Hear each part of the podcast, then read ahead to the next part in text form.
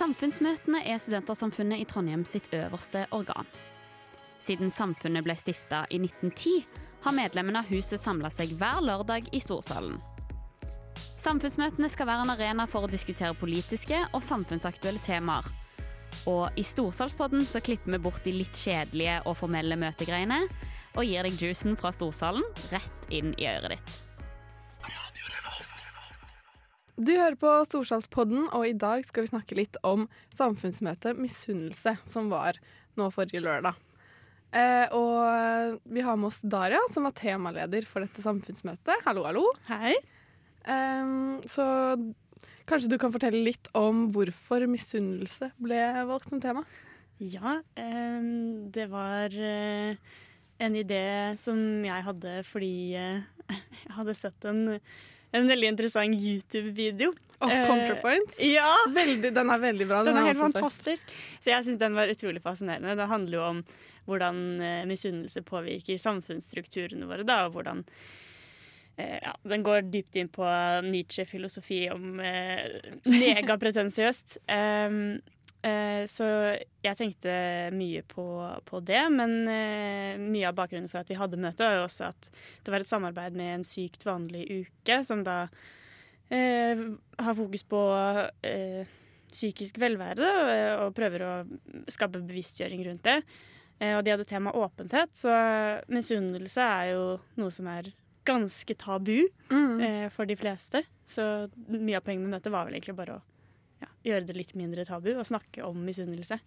Ja, jeg syns det var et skikkelig interessant tema. Det, jeg hadde ikke tenkt på det før, men man snakker jo ikke om at man er sjalu, er, eller misunnelig, da. Ja. Vi kan jo egentlig ta Hva er forskjellen på misunnelse og ja. sjalusi? Det er vel to, litt to forskjellige følelser. Det, den definisjonen jeg har hørt, er at uh, sjalusi det handler om å være redd for å miste noe. Så du er sjalu på altså For å ta det klassiske eksempelet da, med mm. deg selv, kjæresten din og en annen person, så er du sjalu på den andre personen hvis du er redd for å miste kjæresten din til den personen. Mm. Du kan også være misunnelig på den personen, men da misunner du eh, noen egenskaper som de har, som du ikke har. Mm. Så det er på en måte mer at de har noe du ikke har, og så misunner du det til dem. Eh, og det kan man jo gjøre i alle mulige relasjoner. Eh, Han trenger ikke å være et kjæresteforhold. Eh, ja, det trenger ikke sjalusi heller, men da, det er ofte sånn. Sjalusi er tre personer, misunnelse er to personer. Ja, ikke sant. Ja. Og hva er typiske situasjoner hvor vi som studenter er sjalu? Du, når var sist gang du var mis... Nei, nå sa jeg sjalu. Misunnelig. Ja. Eh, oi. Um, Eller en typisk situasjon som kan altså gjøre deg misunnelig. En typisk situasjon er jo det mye av dere snakket om på møtet. At man ser at andre presterer bedre enn deg, og det er eh, vanskelig å være vitne til. Og kanskje spesielt eh, her på NTNU, der man har veldig mange flinke studenter som legger veldig mye innsats i studiet sitt, og så ja. er det andre som får det til bedre enn deg, og det er man fort misunnelig på. Det er en stor overgang, altså. På, ja. Jeg går jo Induc, og de fleste som går der det er høyt eh, opptakskrav, da, så alle er vant til å være blant de flinkeste i klassen, og så kommer du til et miljø hvor alle er flinke. Og da, ja, da er det jo lett å føle på litt sånn blaff av misunnelse. Mm. Så sånn blaff av misunnelse, det ja, Jeg skal være ærlig og innrømme at det kjenner man, eller det kjenner jeg jo på mm. relativt ofte. Men sånn ordentlig misunnelig, det tror jeg ikke jeg har vært siden eh, jeg gikk i tredje klasse på videregående. Og min beste venn eh, flørtet masse med gutten jeg var veldig forelsket i. Nei. Ja, Det var ganske fælt. Ja, det er en kjip situasjon, altså. Ja. Um, ja, vi hadde jo med oss tre veldig spennende gjester for å diskutere dette temaet. Ja. Og, uh, den første ut, Aksel Tjora. Ja. Hvem er han?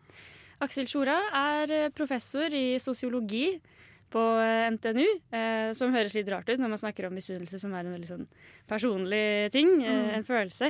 men jeg ville jo ha han der for å kunne snakke litt om misunnelse i et større perspektiv. Da. Og han har forsket på fellesskap og eh, hvordan fellesskap funker, I guess. Eh, han er veldig interessert i liksom, fenomener av, eh, av, av fellesskap. Mm. Eh, så ja, det er vel litt om han.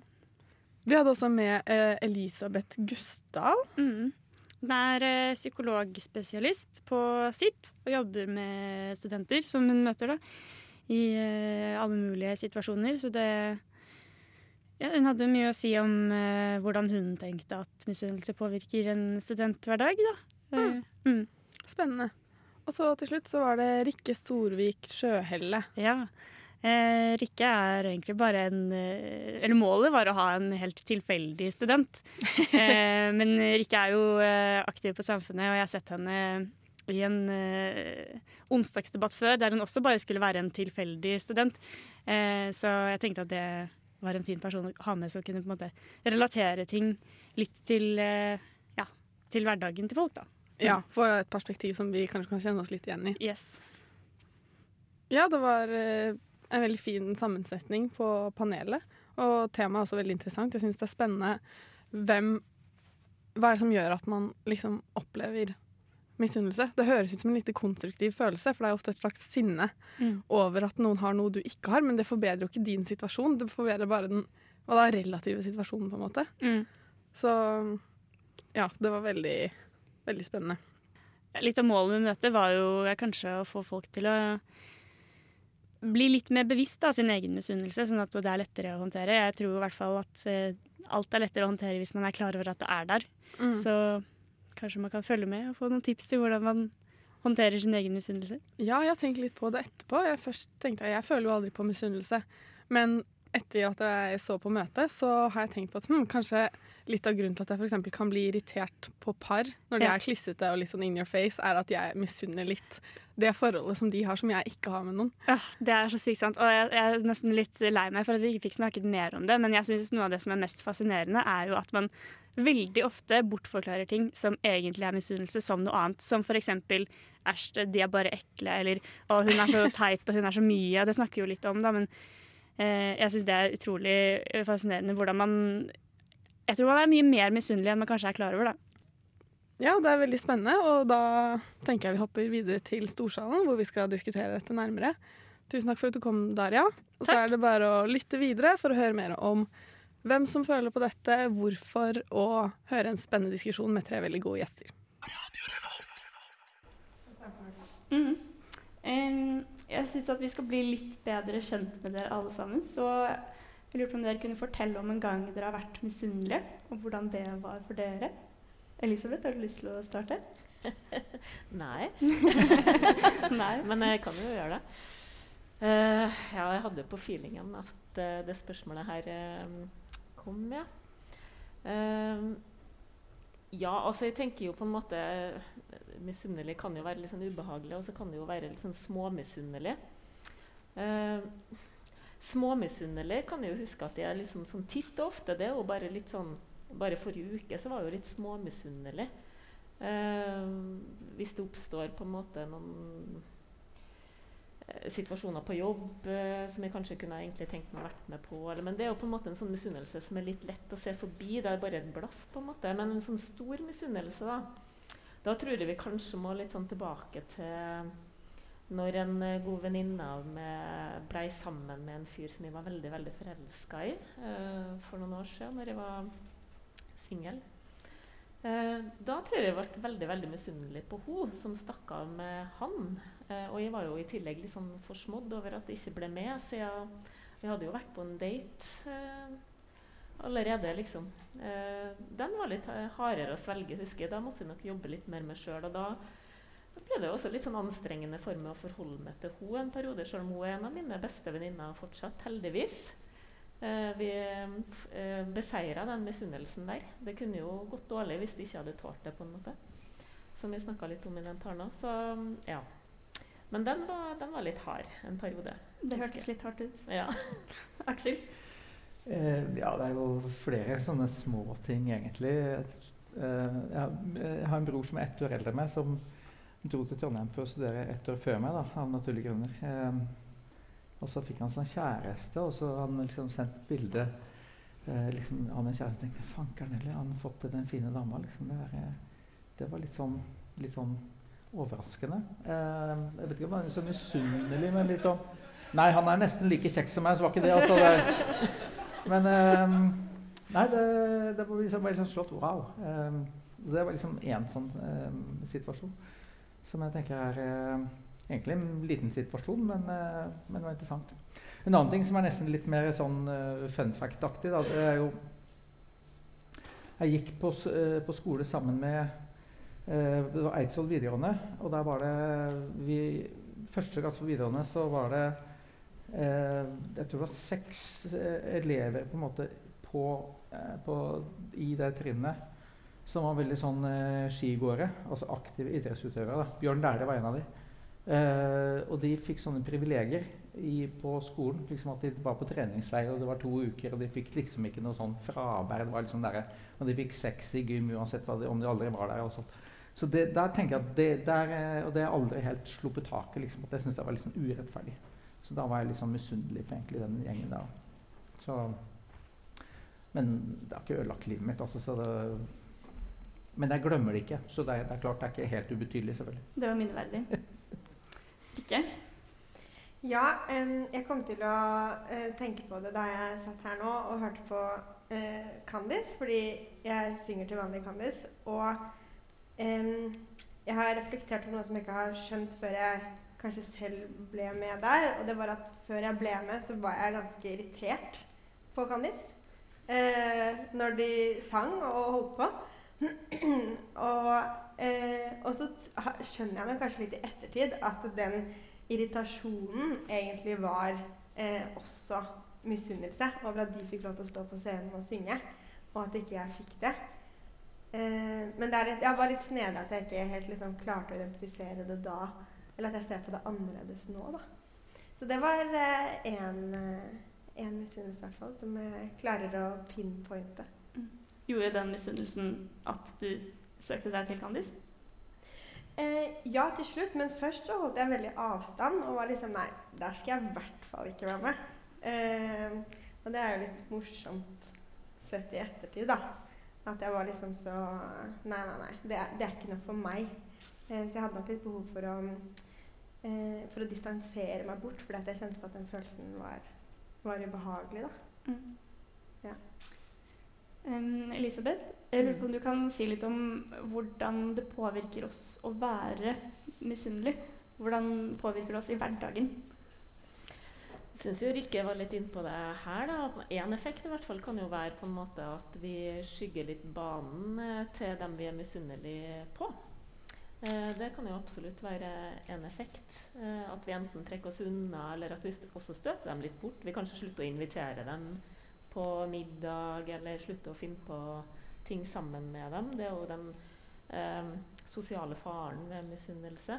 Men det er jo på en måte den ytre, ytre faren. Men den indre faren er jeg også litt sånn opptatt av. Da, for idet vi blir misunnelige, så starter jo også mye sånn dårlige tanker om oss sjøl. Det her jeg kalte sjølangrep i innledninga mi. Altså det, her, det, er jo gjerne det de kaller for sjølkritikk. Jeg er ikke så bra. Eh, eller det, det, er mye feil med meg, på en måte, og, som kan utvikle seg til en slags skam. Eller eh, en trykker seg sjøl ned. Da.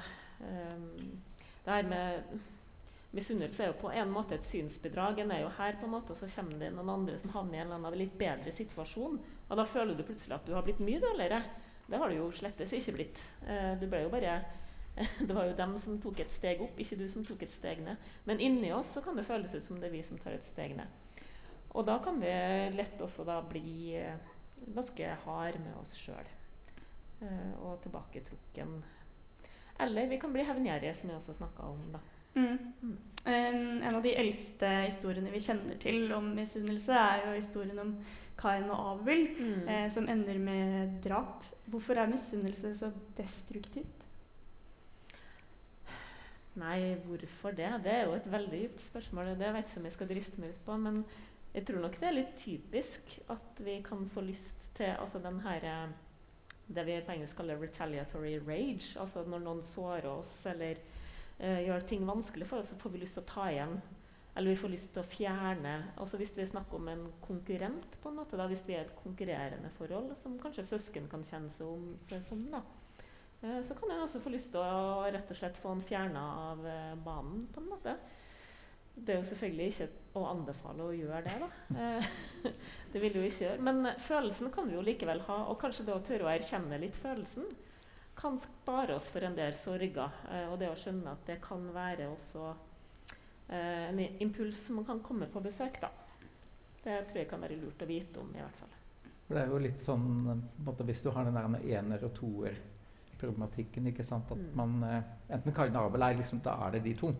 Men det er jo mange tilfeller hvor du er kiver om førsteplassen, for å si det sånn. ikke sant? Og det kan være mange grunner til at uh, du er nummer to. Uh, og det prøver man selvfølgelig å finne mange grunner til.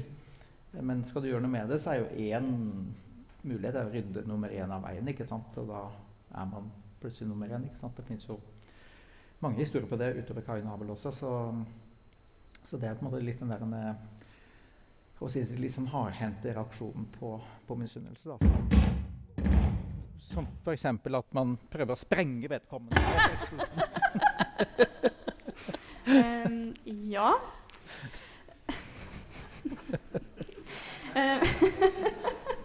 Jeg lurer på uh, hva er det som framprovoserer misunnelse? Dere har jo sagt litt om det, at det er noe man vil ha. Men du nevnte jo litt i uh, innledningen din at de må være nære oss. kjenner du deg igjen i det, Rikke? At det er de som er nære deg, som er de du blir misunnelig på? Ja, på en måte både og. Fordi på en måte de som er nære meg, har jeg jo godt grunnlag for å sammenligne med. Og det er kanskje litt det at, man, at jeg speiler meg i dem og tenker at, uh, at vi, vi, er samme. Mm. Og hvis uh, du da rykker fra, så for, da, er liksom, da er ikke vi samme lenger. Men på en annen side så, så opplever jeg litt at, uh, at det er de jeg er mest glad i, som jeg også kanskje lettest kan unne det å lykkes, da. Men, men, man kan kanskje bli litt sånn derfor også litt tatt på senga av når, når, det ene får lov til Eller når den kjærligheten for hverandre får dominere, eller når den derre Å nei, du rykker ifra meg. Og det er sårt, kanskje. Mm. Jeg lurer på om det kanskje også handler litt om likhet, og ikke bare nærhet. At det er lettere å misunne noen som er uh, likere enn seg. Uh, altså like seg. Eh, for eksempel så tror jeg kanskje at jeg eh, er mer tilbøyelig til å misunne mine veltrente jentevenner enn mine veltrente guttevenner. Eh, tror dere det ligger noe i det? Ja, det er jo sånn i, altså I sosiologien så kan vi snakke om sånn som altså relativ fattigdom, f.eks. Eh, og at det betyr at du, du vil alltid på en måte sammenligne deg med de som enten holder på med det samme som deg, eller bor i samme område. et eller annet sånt, sånn at det, hvis du ser at naboen eh, har en eh, sånn irriterende fin bil, så kan det hende at det syns du er litt sånn kjipt, for du skulle gjerne hatt en bil sjøl, men du, du, stresser ikke over at Odd Reitan kjører rundt i en fancy pass Mercedes til et par millioner. Det er liksom utafor eh, liksom range uansett. Så, så, det er litt sånn der at du, du, vil alltid liksom tenke at det er noen som er relevant å sammenligne seg med, altså innenfor ditt nærområde innenfor ditt kull som student eller et eller annet sånt. Så, så det tenker jeg er sånn rimelig at, det, at det er noen som du kunne ha vært på et vis. ikke sant? Eller du kunne vært i en situasjon. Du kunne hatt de ressursene. Du kunne ha sett sånn ut. Eller du kunne vunnet den der lille gevinsten. Eller fått den diplomen. Eller et eller annet sånt. Som ikke er så håpløst langt unna. Eh, Simen Clausen kan eh, gjøre seg klar for å stille sitt spørsmål. Eh, men før det så lurer jeg litt på om vi kan, kan vi snakke litt om hva som er sammenhenger mellom psykiske problemer og misunnelse. For misunnelse er jo ikke et, et psykisk problem, men jeg tror det er noen sammenhenger der. Hva tenker du? Um, ja, altså Misunnelse vil jeg overhodet ikke kalle noen slags psykisk lidelse eller uh, Altså, det er jo en, en, del av det normale følelseslivet vårt. Uh, jeg tror kanskje misunnelse kan oppstå lettere hvis at en uh, har mye en strever med, litt som jeg nevnte òg med Hvis du har opplevd en del urettferdighet eller har havna dårlig ut, eller også på en måte har veldig mye Eh, dårlige tanker om deg sjøl. Da tenker du jo allerede at du er litt sånn eh, lavere på rangstigen, kanskje. Og da vil nok misunnelse lettere trigges, tror jeg. Eh, det, det, tror jeg nok. At det vil være en følelse som da kan eh, komme lettere opp. Men om det å være mye misunnelig altså Hvis vi er veldig konkurranseprega personer, tenker jeg, altså dem som har høye krav til seg sjøl, forventer ganske mye av seg sjøl føler at de også må holde opp en fasade av at de er veldig veldig bra, de vil nok også kjenne en del på misunnelse, tror jeg. For da, du, da har du jo innleda en veldig tøff konkurranse med nesten alle andre mennesker. Eh, og da vil du nok eh, ofte kjenne på misunnelse. Men om det å kjenne misunnelse leder inn i psykiske lidelser, det tror jeg ikke, da. Men om en ikke håndterer på en måte det her jeg snakka om med skammen eller de dårlige tankene, og blir gående veldig veldig lenge i det, og kanskje faktisk gir etter etter for det å trekke seg unna andre eller støte andre fra seg, så kan en jo ende opp alene og isolert, selvfølgelig, og begynne på en litt sånn dårlig eh, sti eh, inn i noe mer eh, retning av depresjon eller noe sånt. Men jeg, jeg, tror ikke det er noe sånn veldig Det, ja, det syns jeg er vanskelig å svare på sånn for sikkert, men det er noen tanker rundt temaet. Mm. Er det noe særlig forskning på det? Ikke som jeg har rukket å lese.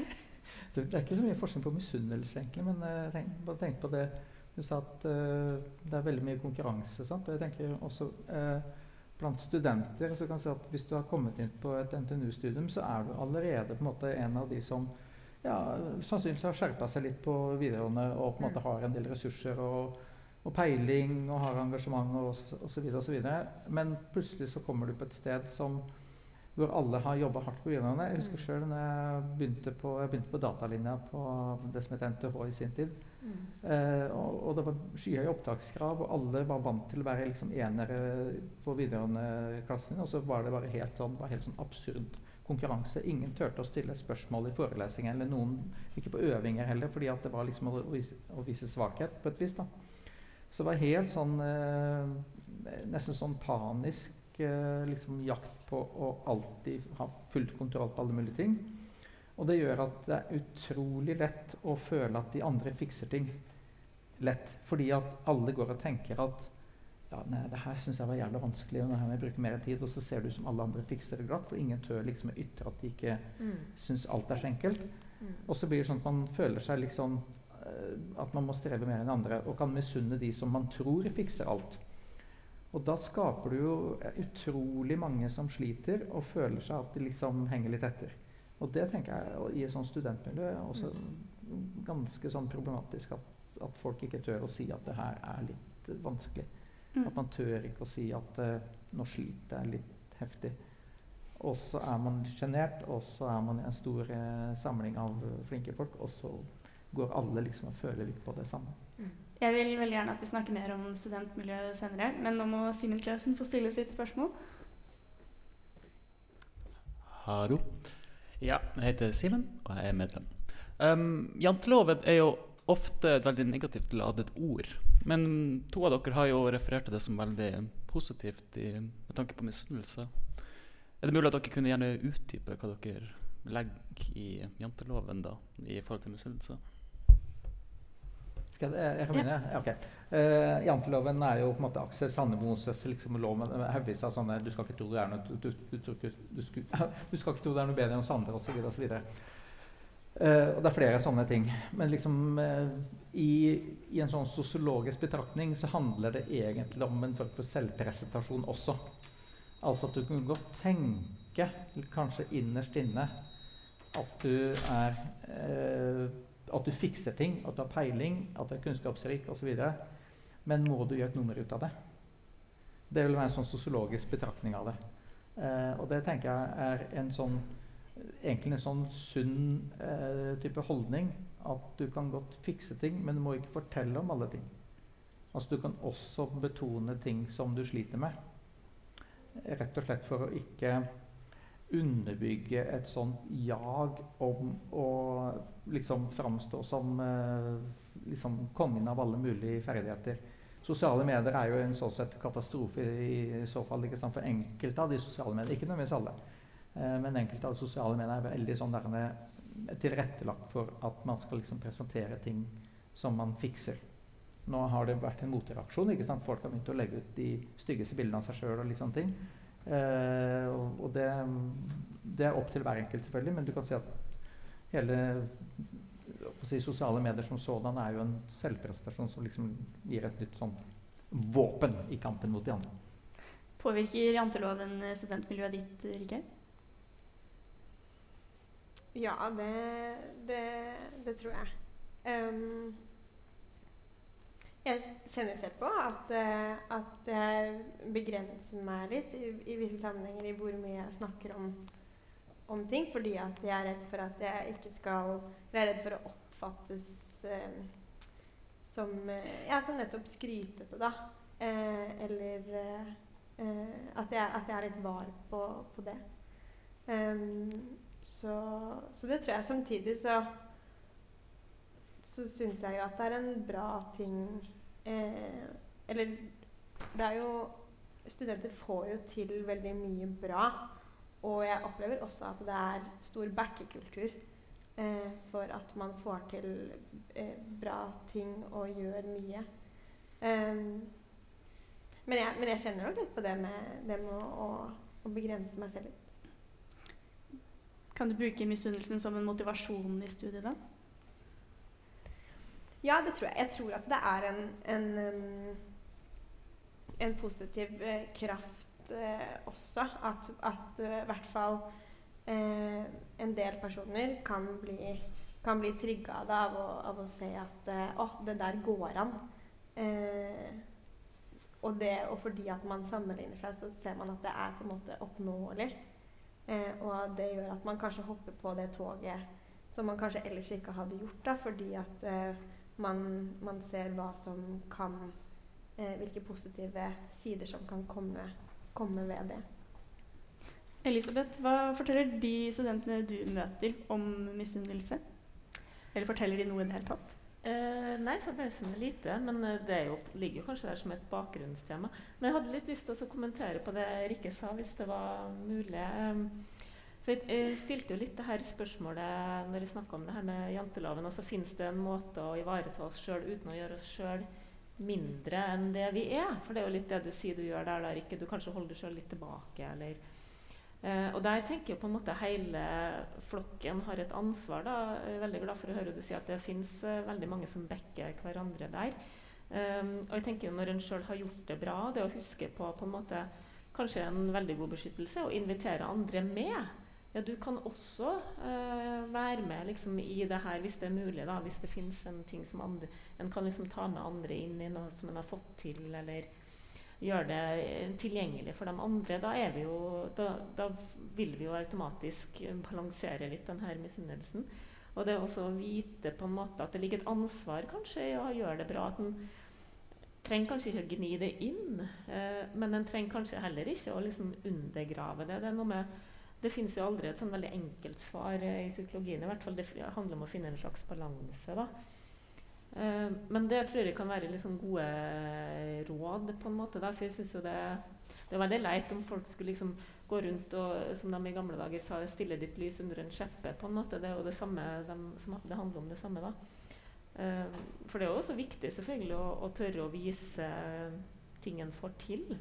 Men det er noe med formen og måten det gjøres på. Om det gjøres på en gni-inn-måte, eller om det gjøres på en eh, OK, det her, det her, kan jeg si noe om, eller det her har jeg fått, og det er jeg fornøyd med, eller det er jeg glad for. Ja. En, en, ting som, eh, som er på en måte enda eh, etter, Jeg syns det er greit også å være fornøyd med ting man har gjort, men det er enda bedre noen, noen andre påpeker noen, noen man lyttes med. Mm. Så jeg har vært opptatt av, også i mitt fagmiljø mellom studenter som jeg har med å gjøre, og sånt, at være litt oppmerksom på hva andre folk nært deg lykkes mm. med, og så peke på de andres påhør. Altså det å skryte av noen i andres påhør mm. er en ekstremt sånn der, uh, positiv oppbygging mm. av, av miljøet. Uh, og, og, for at man skal slippe å skryte av seg sjøl når man har gjort noe som man har all grunn til å skryte av. Mm. Uh, og det, det, tenkte jeg at det her er en melding til alle. Følg med hva kompisen dere gjør, og skryt av dem når de gjør noe bra. For å slippe at de skal skryte av det sjøl. For det har så De fleste syns det er litt ekkelt. Og den janteloven virker liksom sånn at man ikke vil skryte av seg sjøl. Men folk blir stort sett veldig fornøyd når man får en sånn hyggelig klapp på skuldra. Der gjorde du en skikkelig bra jobb. Ikke minst når andre hører det i en passende sammenheng. Jeg blir veldig glad av å høre at NTNU har eh, professorer som tenker og sier det her. Så nå kan vi jo skryte litt av det. Takk. Kjempebra. Så dere tenker at eh, måten å håndtere misunnelse på er på en, en kombinasjon av å jobbe individuelt, men også måten man kommuniserer med andre på? Jeg tror det er en flokkoppgave. Ja. Ja. Um, jeg vil bare minne om at eh, det fortsatt er mulig å skrive seg opp på talerlisten. Og så kan Eivind Rindal gjøre seg klar for å stille sitt spørsmål. Um, først så Du har snakket litt om at vi ikke klarer alltid å innrømme for oss selv at det er misunnelse vi kjenner på. Mm. Hva skjer med den følelsen, eller hvordan forklarer vi den følelsen når vi ikke innrømmer at det er misunnelse? Vi kjenner jo fortsatt at det er en følelse der. Mm. Jeg tror vi bruker mye det her som kanskje i psykologien kalles rasjonalisering. altså Vi finner andre forklaringer. da. Eh, vi finner andre grunner til at vi egentlig altså Jeg liker jo egentlig ikke de her tekstene du driver og skriver. eller jeg, liker, altså jeg syns egentlig hun er litt slitsom. Eller vi henger oss opp i noen sånne ting vi kanskje kan kritisere den andre for. Eller, eh, eller som du sa, nei, jeg har ikke noe lyst til å å synge Candice i. Sant? Vi på en måte fornekter litt kanskje det behovet som ligger under, eller det ønsket vi har under det, av en eller annen grunn. Sant? Det er jo utrolig mange grunner til det her eh, kan være. da. Eh, så det er nok at vi pakker det litt eh, inn, på en måte. Mm. Og så kan man finne der mer sånne strukturelle forklaringer på hvorfor lyktes vedkommende. ikke sant? Hvis ja. du går tilbake til det gamle Hellas, ok, hvis det var noe som lyktes, var pga. flaks. ikke sant? Hvis det var det liksom mer sånn romersk-katolsk type, type tradisjon, så var det Guds vilje. Altså Hvis du ser mer på den protestantiske, som vi for så vidt er et protestantisk samfunn i så for, sånn forstand, så er det på en måte hardt arbeid. Ja. Ikke sånn, så Det liksom, det siste er jo noe som da, da, vi, da kunne vi gjort det sjøl, men det er noen strukturelle forklaringer også. Sånn. Og Det er det her litt typisk våpen fra den som misunner, at den undergraver statusen til den andre bitte lite grann. Og det her husker en jo veldig godt når en har blitt utsatt for det. Jeg husker fortsatt fra barneskolen en venninne med sa noe til meg som bare fratok meg Hun sa på en måte Å, det var jo veldig bra, men det der hadde du aldri fått til dersom ikke. Og det, og det husker jeg jo fortsatt. Så jeg vet ikke om det er så lurt å gjøre det. Kanskje en blir huska for livet, i hvert fall. Mm. Mm, jeg lurer litt på om, eh, om en sånn forklaring man kan komme opp med, er rett og slett å, å stemple det man misunner, som umoralsk. Altså, for å ta et eksempel, da, så på en måte eh, Eller et illustrerende eksempel syns jeg er såkalt slutshaming, der man eh, kaller jenter for løse hvis man eh, ja, egentlig er misunnelig på at de får mange gutter. Mm. er det reelt, tror dere? Det, det fins jo andre paralleller på det der. Altså, som hvis du ser på de som bygger seg opp eh, vanvittige kapitaler og kjøper leiligheter som ligger ute for salg. Det er fullstendig umoralsk å drive og kjøpe for å leie ut uh, leiligheter som folk som skal bo der, burde ha kjøpt. Uh, så tenker jeg at uh, Enkelte sånne situasjoner kan du jo tenke på også i den økonomiske verden. At det fins noe, noe, moral som man kan forholde seg til eller ikke. Om, om, akkurat ditt eksempel er litt i tvil. Der tror jeg kanskje det er mulig at gutter og jenter også tenker litt forskjellig der, hvis, hvert fall hvis man er litt sånn tradisjonell, noe jeg tror mange faktisk er. da. Um, og det handler jo litt om akkurat der, da, hvilke krav setter man til måte, de man går inn i en intim sfære med, f.eks. Det kan jo være noen sånne krav også som man har med seg. Jeg, jeg fikk litt lyst til å eh, ikke si umoralsk, men umusikalsk. Um, jeg tror at uh, at det er ganger man kan være sånn åh, oh, nei, det der, det der, blir litt for mye. Eller det Å, oh, hun tar så mye plass. Um, og så er det kanskje fordi at uh, Eller ja, og det med å ta plass, tenker jeg, er relevant å nevne i lys av misunnelse. Fordi kanskje man er misunnelig på folk som får eller tar mer oppmerksomhet enn en selv. Fordi det er jo veldig et ganske sterkt naturlig behov å, å, å, ønske seg oppmerksomhet. Og de som tar eh, mye plass, kan jo få mye oppmerksomhet. Og, og det kan jo være noe man er, man er eh, misunnelig på. Og da kan det være fort å liksom og tenker jeg da, og si sånn, ja, men, men eh, det, er så, det, er så, irriterende. Men så er det kanskje egentlig fordi man enten skulle ønske at man var sånn selv, eller at man skulle ønske at det, at det ble gjort litt mer plass til, til seg selv. da. Da kan eh, Eivind Rindal komme og stille sitt spørsmål, og så kan Carl Ty komme og gjøre seg klar. Ja, takk. Eh, det er jo veldig mange veier man kan stille spørsmål liksom, videre fra dette temaet her. selv kunne jo jeg likt at man og også hadde invitert noen med bakgrunn fra teologien og filosofiens verden eh, inn for å belyse de, de, store linjene fra Bibelen til Nietzsche til eh, Jordan Peterson. Eh, men misunnelse er jo også et sånt Hva skal vi si, da? Et, et retorisk begrep. Eh, jeg har jo overvært en del politiske debatter eh, hvor eh, Gjerne folk fra høyresida, ikke noen sånn shaming av høyresida, men gjerne folk fra høyresida når folk fra venstresida påpeker at hei, her er det noe som er urettferdig, liksom.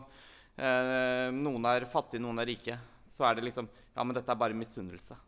Så hvor går egentlig eh, Og her er vi jo på ditt felt, eh, da, Kjora. Eh, hvor går egentlig forskjellen mellom den individuelle misunnelsen og den samfunnsmessige rettferdighetssansen?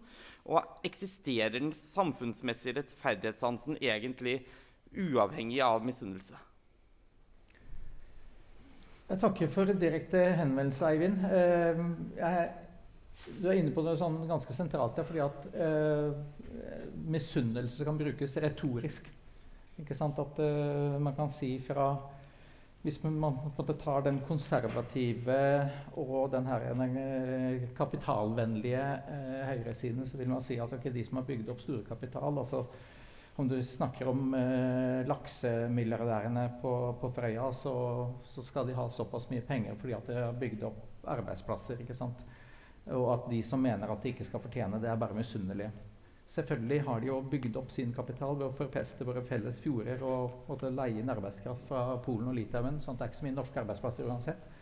Uh, sånn at um, det, retorisk, det, retoriske forsvaret fra, uh, fra den sida som er opptatt av å liksom, si, redusere skattene for den, den type virksomhet, uh, trenger de retoriske grepa for at man skal ikke se hvor katastrofal den ulikhetsutviklinga er.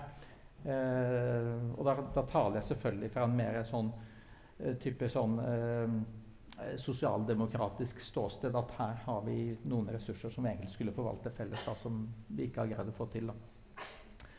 Så det som jeg har prøvd å etterspørre uh, egentlig i forskning de som holder på med statistikk, det kunne å sjekke ut hvor mange arbeidsplasser jeg har skapt, hvor mange jobber i fiskeindustrien i dag kontra på 1960-tallet f.eks. Jeg tror ikke det er noen økning, for å si det sånn, men det er en helt annen virksomhet. Så denne misunnelse som retorikk, den er ganske sterk. Og, og det er jo interessant eh, påpekning. for det, Hvorfor er misunnelse som retorikk så sterk? Jo, fordi ingen vil være misunnelig. Det er så nedrig og så kjipt. Sånn at det funker faktisk. sånn at Den, den, den kommer aldri til å gå moten av følelsen av det. Så det er bra, bra innspill. Carl skal eh, straks få stille sitt spørsmål, men jeg vil først sette ordet over til Fredrik. Litt kjapt. Tusen takk. Um, jeg foreslår at vi uh, setter strek for å skrive seg på talerlisten uh, noen par minutter. Det var 1943. Er det noen innvendinger mot det? Da foreslår jeg at Storsalen godkjenner ved akklamasjon. Takk skal du ha. Da er det fortsatt mulig å skrive seg opp fram til 1943. Takk. Da kan Carl stille sitt spørsmål.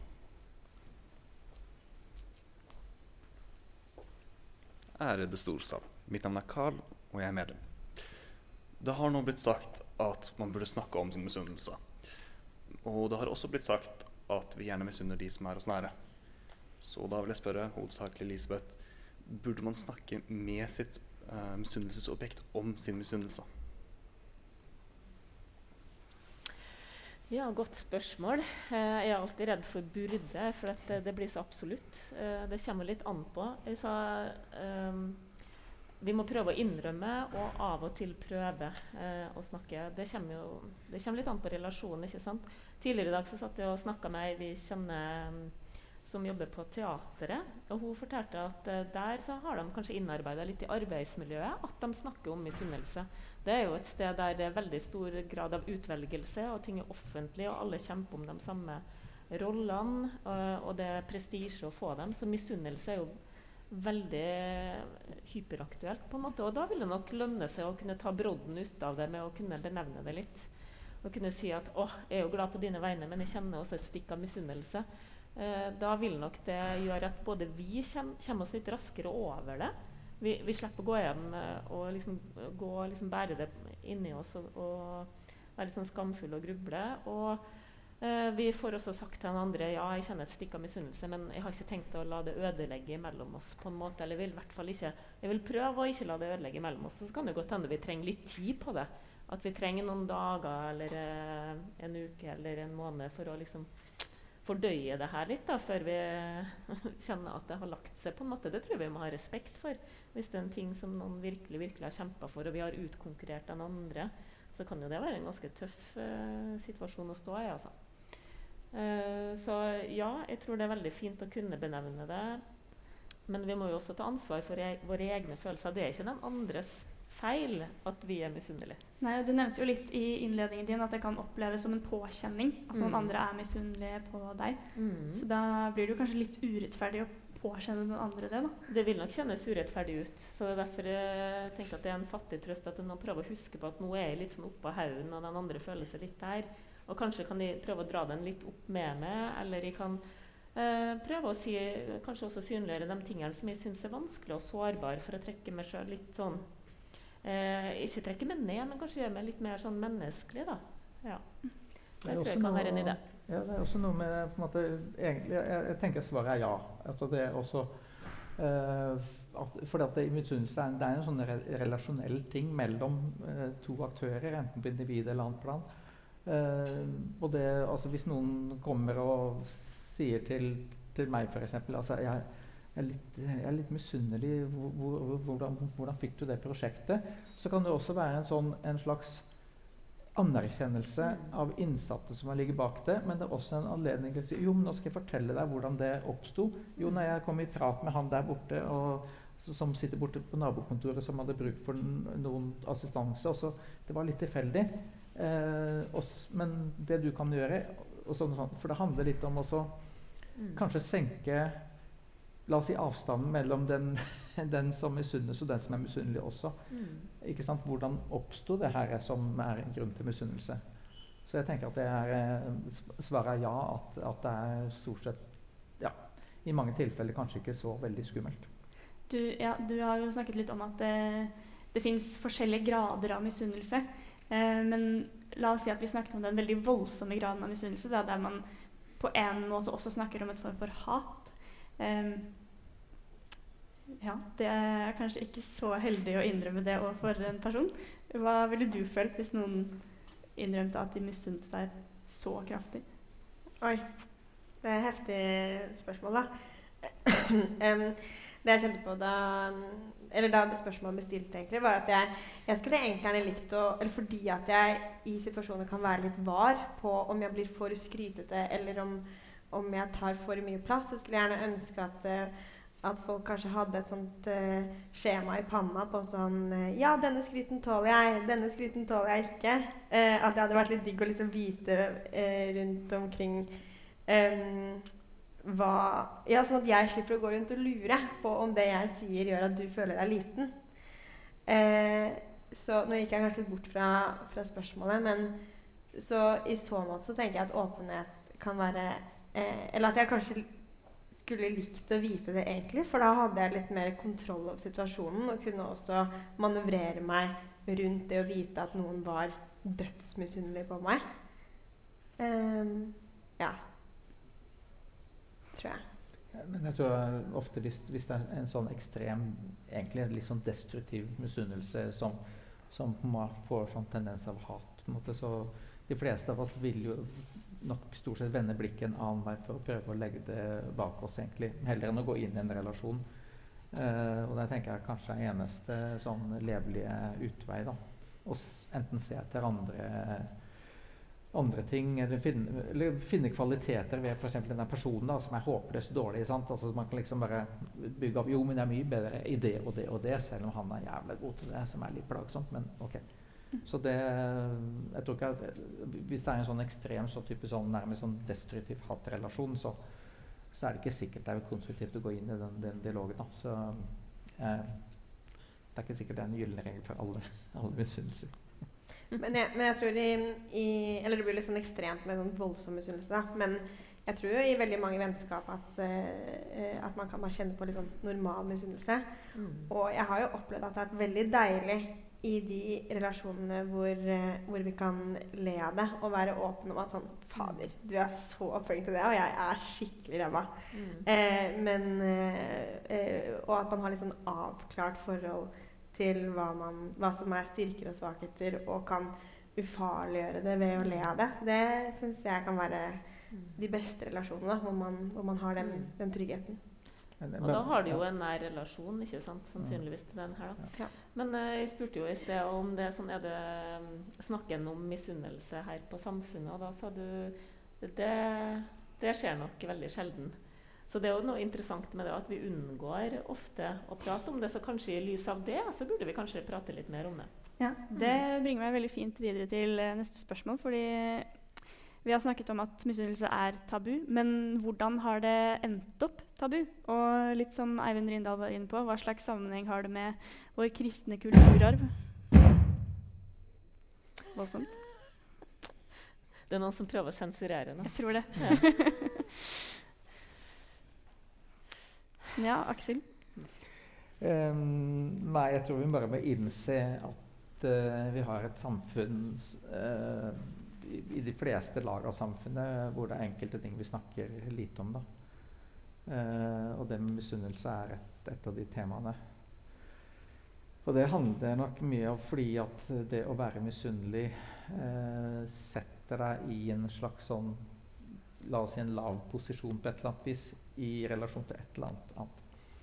Eh, og det å plassere seg i en sånn posisjon er, er noe vi kan føle på, men kanskje ikke snakke snakke så åpent om. da. Eh, men hvis du tar en sånn organisasjon som Samfunnet eller en svær bedrift som NTNU eller blant studenter, sånn, så, eh, så, er det åpenbart ikke sant? Det, er, det er hierarkier, eh, det er posisjoner. Det er noen som får til fantastisk mye ting. Det er noen som strever med å få til fantastiske ting osv. Um, og det er ikke sikkert vi, vi greier å snakke om alt, rett og slett. Eh, fordi at vi har på en måte de fleste av oss sånn liksom indre liksom betraktning av oss sjøl i en stor sammenheng. Og noe som er mer sånn det, det, den, den, vi har lyst til å være i, la oss si, blant andre. da. Så, så, så den der spriket mellom hvem vi opp, hvem, hva vi opplever oss sjøl til å være, og den vi har lyst til å være i en sosial sammenheng, altså der, der kan vi også ja, mer eller mindre bevisst liksom håndtere det i en sånn type sånn selv, selvpresentasjon. Uh, og det gjør nok at uh, den selvpresentasjonen gjør at det er enkelte ting vi gjerne kunne ha tenkt å snakke om, men som blir for skummelt. Og jeg, jeg, har ikke noe godt verktøy for å, for å løse det, annet enn å ja, gå i terapi eller et eller annet med noen som er konfidensielle, profesjonelle uh, psykologer, f.eks. Altså, det er klart det også er en sånn en, en, en hjelp i siste instans, i hvert fall. Mm. Hva med sammenhengen med kristendommen, da? Nei, altså jeg, Halve slekta mi Jeg vokste opp uh, på en måte i, uh, i liksom det tjukkeste bibelbeltet rundt uh, Stavanger og sånt. Og de, de har en sånn sterk moral, bindekraft i hele slekta som er helt fantastisk positiv. Samtidig som jeg merker at det er kanskje enda mer tabu temaer enn det jeg er vant til i mitt mer sånne sekulære liv. Eh, så jeg tenker at det er ikke bare positivt, men samtidig så ser jeg at uh, det er også noe sånn, en sånn sosial konsensus om hva man snakker om, som også er, er en positiv ting. Da. Så jeg vil ikke, vil ikke, si at en, en sånn religiøs uh, si, kultur er bare negativt. Men, men det, har, det, begrenser på en måte hva det er lov å snakke om. det, det gjør.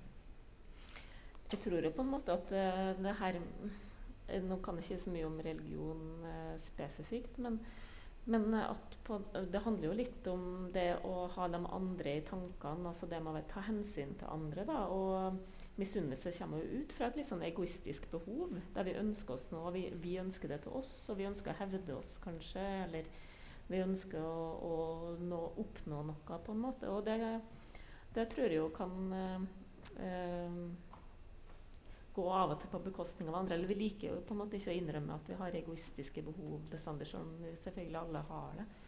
Uh, så om religionen har tatt opp det her altså, Jeg tenker jo at religionen har tatt opp i seg veldig mange sånne ting som ligger i oss mennesker fra før, da, på en måte, og laga noen slags systemer ut av det. Som på en måte skal hjelpe folk å passe Litt som eh, vi snakka om janteloven, som jeg for så vidt ikke syns er bare positive, Da. Det håper jeg ikke virker som. Um, men det er jo et slags sånn forsøk på å lage noe slags regelverk som skal beskytte folk fra de her sosiale farene, kanskje. da. Uh, så der ligger det kanskje en, ja, Det er kanskje derfor det kommer inn det her med tabu. Mm. Eller at en uh, ja, blir oppfordra til å fære litt stille i dørene med det. Eller. Men uh, jeg tenker jo at det er en stor verdi å kunne snakke om det. Da, og uh, at vi som organisasjon eller samfunn eller i vennegjeng eller hva som helst kan komme ganske styrka ut av å tørre å bare sette ord på det. da. Og få tatt brodden litt ut av det og få deala med det på en eller annen måte. Altså, det blir mer håndterende når vi har det der ute, enn når vi har den skjulte misunnelsen som tar litt mer sånn uoversiktlig og av og til litt kjipe veier. Mm. Tror dere det fins andre kulturer der man er bedre på å deale med misunnelse?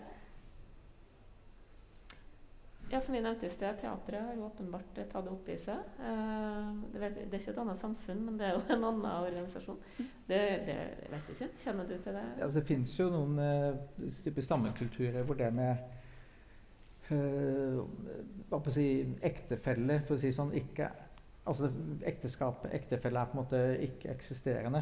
At det er mer sånn at uh, det er ingen kjernefamilie som er definert. altså man, man har noe sex litt sånn her og der, og så ivaretar man uh, barneflokken som et samfunn. Uh, hvor det med sjalusi, som er en, en variant av misunnelse, på en måte i hvert fall etter sigende skal være mindre. Men om man av den grunn fjerne det helt, det tviler jeg veldig på. da. For du vil jo alltid på en måte ha eh, noen som eh, stort sett eh, av ulike grunner får en type status som andre vil kunne misunne. Jeg tror ikke det, det fins neppe noe samfunn hvor ikke type en eller annen implisitt status vil på en måte oppstå. Eh, selv om du ikke har formelle posisjoner, så vil det være noen som har, har ressurser som gjør at man får en en anseelse som er høyere enn andre. Det, det, er, ikke, det, er vanskelig å tenke seg å unngå. Det har vi også i, dyre, i, i dyresamfunn, altså dyr som lever sammen. at det er sånn, så Det virker som en, nesten en sånn eh, sosiobiologisk ting som, som finnes der. Vi har eh, dessverre ikke så veldig mye tid igjen. Jeg vil at dere kjapt skal komme med en liten oppfordring til publikum til noe de kan gjøre for å eh, minske tabu rundt misunnelse. Vil du begynne? Ja, det er jo det å tenke at uh, en absolutt er i stand til å kjenne på misunnelse, og til å bli misunt også. Uh, at du kan faktisk oppleve sannsynligvis begge delene i løpet av livet ditt uh, innimellom. det.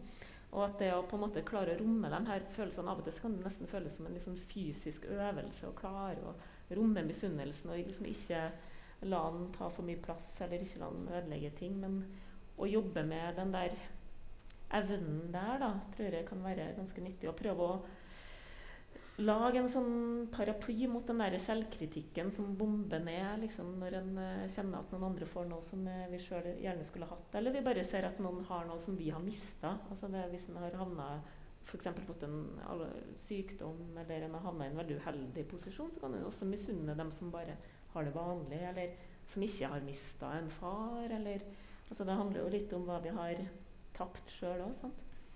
Så det å prøve å ha litt medfølelse da, med seg sjøl og, og, ja, ta litt begge perspektivene, det tror jeg er en god idé. Mm. Aksel, ganske kort. Ja, og det blir kort. og shit, altså, Nå har jeg tenkt meg en lang historie. fordi at uh, vi, vi, hadde en sånn her, uh, historie her. Det skjedde akkurat her, omtrent foran scenen der. Uh, jeg spilte i symfork, og så hadde vi kor, hele koret på Samfunnet, både guttene og jentene. TKS, TSS. Og så står jeg bak slavegruppa, og det, det, handler litt om det å se den andre. Det kan være misunnelse, unnelse, det er litt grenseland der. Men så sier jeg Jeg spilte pauker, og så en av de andre spilte slaver. Sånn, og så snur han seg til en av de damene som sto helst første rekke av koret, og så sier han Sånn fantastiske øyne du har. Og, hun, hun, og det var jo sant, hun hadde jo det. Eh, men hun ble bare helt satt ut. Og det her er et sånt tips til sjekketriks. da. Um, som, som, jeg har liksom gjort noen ganger um, i mitt liv, som er litt morsomt. da. du, du, går opp til en person som har et eller annet ved seg. Det kan være hår, øyne, hva som helst. Et eller annet du syns er fascinerende. Og så sier du bare du, Hvor fantastisk hår du har, f.eks. Og så bare går du. Og så bare går du vekk. Og så er det bare gitt et kompliment. Og liksom det, det der misunnelse ja, Det er kanskje ikke helt rett, men altså, du gir den personen løft for et eller annet mm. uten å gjøre noe nummer av det. Og det er kjempegøy, mm. fordi at da vil vedkommende faen var det der for noe? Eh, og så, og så den personen bare vokser voldsomt. Men, men, hvor ble det av den personen? Jeg må, jeg må snakke med den personen. Liksom, så, ja, tips. Rikke? Jo, eh, en ting som vi ikke har snakka så mye om med misunnelse, er jo eh, selvfølelse og, eh, og mestring. Eh, og jeg tror at eh, hvis man føler på, på, mestring selv og god selvfølelse selv, så har man lettere for å unne andre å lykkes. Så hvis jeg skal liksom komme med en oppfordring, så er det å, å finne de trygge rommene man har tilgjengelig til å, å, skryte litt av seg selv og, og kjenne på hvor, hvor, deilig det er å løfte seg selv litt opp. Da. Fordi at eh, som studenter så har vi så utrolig stor frihet til å gjøre så veldig mye. Og da er det så lett å sammenligne seg med, med hun som trener og har verv og kjæreste og gjør det dritbra på skolen. Eh, og at man, eh, at man også skaper et, et rom til å, å, løfte opp seg selv og få kjenne på, på, hvor godt det er å få skryt, og skryte av seg selv uten at det blir blærete, da, selvfølgelig. Så det, ja. Tusen takk. Da har vi ikke mer tid igjen. Eh, gi en stor applaus til Elisabeth Gusdal, Aksel Tjora og Rikke Sjøhelle.